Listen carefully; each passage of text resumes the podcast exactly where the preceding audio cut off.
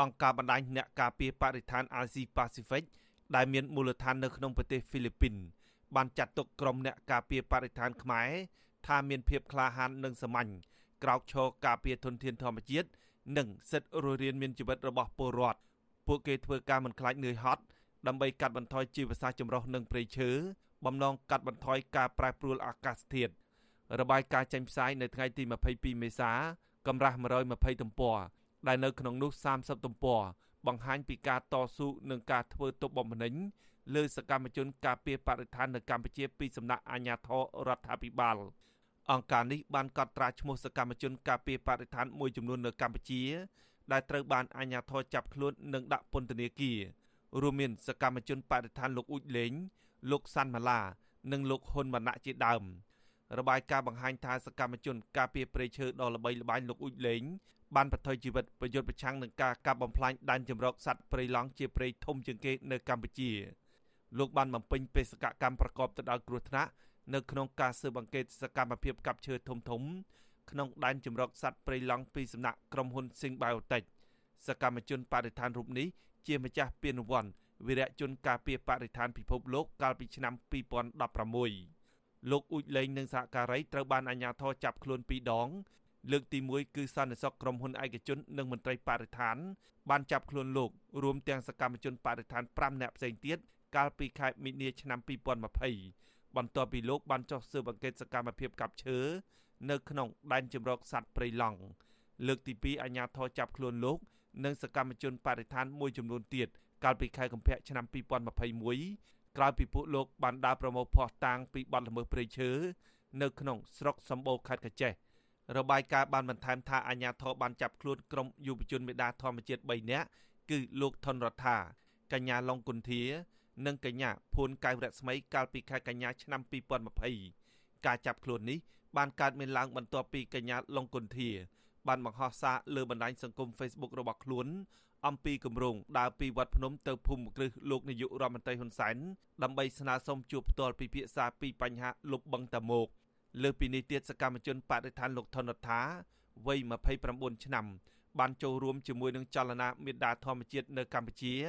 នៅក្នុងឆ្នាំ2015បច្ចុប្បន្នលោកមានកូនប្រុសអាយុ1ឆ្នាំឯកញ្ញាឡុងគុន្ធាអាយុ23ឆ្នាំ មានស្រុកកំណើតនៅក្នុងខេត្តកំពង់ចាមលោកស្រីបានលាឈប់ពីការងារជាគ្រូបង្រៀនក្នុងក្របខ័ណ្ឌមន្ត្រីរាជការហើយបានចូលរួមការពារបរិស្ថានកញ្ញាភួងកៅរស្មីវ័យ19ឆ្នាំ គឺជានិស្សិតផ្នែកព័ត៌មានវិទ្យានៅសាកលវិទ្យាល័យមួយក្នុងរាជធានីភ្នំពេញកញ្ញាមានស្រុកកំណើតនៅក្នុងខេត្តស្វាយរៀង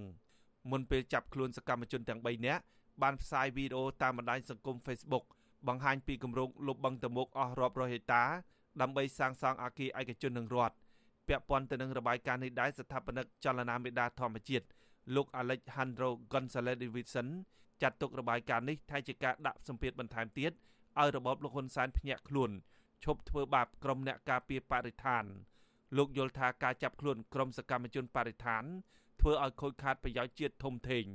និងចំណេញទៅក្រុមហ៊ុនឯកជននិងអាជ្ញាធរខលខូច អាហ្នឹងក៏ជារឿងមួយដែលលោកហ៊ុនសែនថាបើទៅជាមិនខ្វល់ប៉ុន្តែខ្ញុំថាគួរតែខ្វល់ដែររដ្ឋាភិបាលរបស់គាត់កាន់តែដូនដាបទៅដូនដាបទៅព្រោះយើងយកអំណាចរបស់រដ្ឋទៅចាប់មនុស្សអត់មានទោសចៅក្រមជាអ្នករំលោភច្បាប់ព្រះរាជអាជ្ញាតំណាងរដ្ឋជាអ្នកធ្វើការរំលោភសិទ្ធិរបស់គាត់អាហ្នឹងធ្ងន់ណាស់អាម៉ាស់ដល់លោកហ៊ុនសែនអាស៊ីសេរីមិនអាចសុំការបំភ្លឺរឿងនេះពីអ្នកនាំពាក្យក្រសួងបរិស្ថានលោកនេតភត្រានិងអ្នកនាំពាក្យរដ្ឋាភិបាលលោកផៃសិផានបាននៅឡើយទេ នៅថ្ងៃទី3ខែមេសាព្រោះទូរស័ព្ទហៅចូលគ្មានអ្នកលើក ប៉ុន្តែអ្នកនាំពាក្យគណៈបកប្រជាជនកម្ពុជាលោកសុកអេសានវិញបានច្រានចោលរបាយការណ៍នេះដោយលោកចាត់ទុកថាមិនផ្អែកទៅលើគោលការណ៍ច្បាប់នៃការដឹកនាំប្រទេសរបស់រដ្ឋាភិបាលនោះទេលើពីនេះទៀតរដ្ឋាភិបាលបានបើកទូលាយឲ្យអង្គការសង្គមស៊ីវិលនានា សហការការពារធនធានធម្មជាតិស្របទៅតាមច្បាប់នៅក្នុងប្រទេសកម្ពុជា លោកបញ្ជាក់ថាការចាប់ខ្លួនសកម្មជនបរិស្ថានទាំងនេះដោយសារតែអង្គការរបស់ពួកគេពុំបានចុះបញ្ជីនៅក្រសួងមហាផ្ទៃនិងមិនបានសហការជាមួយនឹងសមាជិករដ្ឋាភិបាល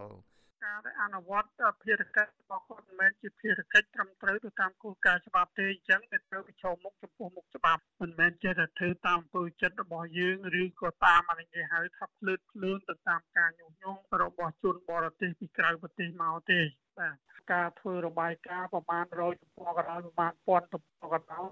គឺវាមិនអាចទៅតាមគោលការណ៍ច្បាប់របស់កម្ពុជាជុំវិញរឿងនេះសកម្មជនបរិស្ថានលោកសាន់ម៉ាឡា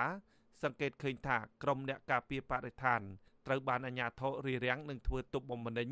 មិនឲ្យនិយាយការពិតពីការបំផ្លាញធនធានធម្មជាតិលោកថាពួកលោកចុះដើរល្បាតព្រៃម្ដងម្ដងអាជ្ញាធរតែងតែចំណាយពេលតាមដាន និងឃ្លាំមើលដើម្បីគម្រាមកំហែងផ្ទុយពីអ្នកកាប់ឈើ ជាពិសេសនៅកំឡុងពេលនៃការហាមឃាត់មិនឲ្យចុះការពីព្រៃយើងក៏បារម្ភថាខ្លាចពេលដែលយើងនៅក្នុងព្រៃគឺជួបប្រទះជាមួយនឹងក្រុមអូឈានរៈហើយបារម្ភថាគេអាចធ្វើការចាប់ខ្លួនបញ្ជូនពួកយើងអស់គ្នាទៅតុលាការដោយដែលគេបានធ្វើចំពោះលោកអ៊ុយលេងរបាយការណ៍បានបន្ថែមថាសកម្មជនការពារបរិស្ថានតំបន់អរ៉ៃជាជនជាតិដើមភាគតិចជងនៅក្នុងខេត្តកោះកុង លោកវ៉ាន់វ៉ាន់ត្រូវបានសមត្ថកិច្ចចាប់ខ្លួនហើយតឡាការក៏បានសម្រេចបញ្ជូនទៅឃុំឃាំងនៅក្នុងពន្ធនាគារខេត្តកោះកុងអស់រយៈពេល1ឆ្នាំកាលពីឆ្នាំ2015ដោយចោទប្រកាន់ពីបទប្រមូលអនុផលព្រៃឈើសកម្មជនរូបនេះតែងតែរិះគន់និងប្រឆាំងការសាងសង់ទំនប់វារីអគ្គិសនីនៅតំបន់អរ៉ៃដែលធ្វើឲ្យប៉ះពាល់ដល់ធនធានធម្មជាតិធ្ងន់ធ្ងរលើពីនេះទៀតអ្នកការពារបរិស្ថានគឺជាអ្នកប្រឆាំងនឹងសកម្មភាពកាប់ឈើខុសច្បាប់ និងការលួចប្លន់ធនធានធម្មជាតិបណ្ដាលឲ្យកើតមានការរំលោភបំពានសិទ្ធិមនុស្សជនជាតិដើមភាគតិចដោយសារតែរដ្ឋាភិបាលវិនិយោគដីសម្បត្តិសេដ្ឋកិច្ចឲ្យជនបរទេសខ្ញុំបាទហេងរស្មី អាស៊ីសេរីពីរដ្ឋធានី Washington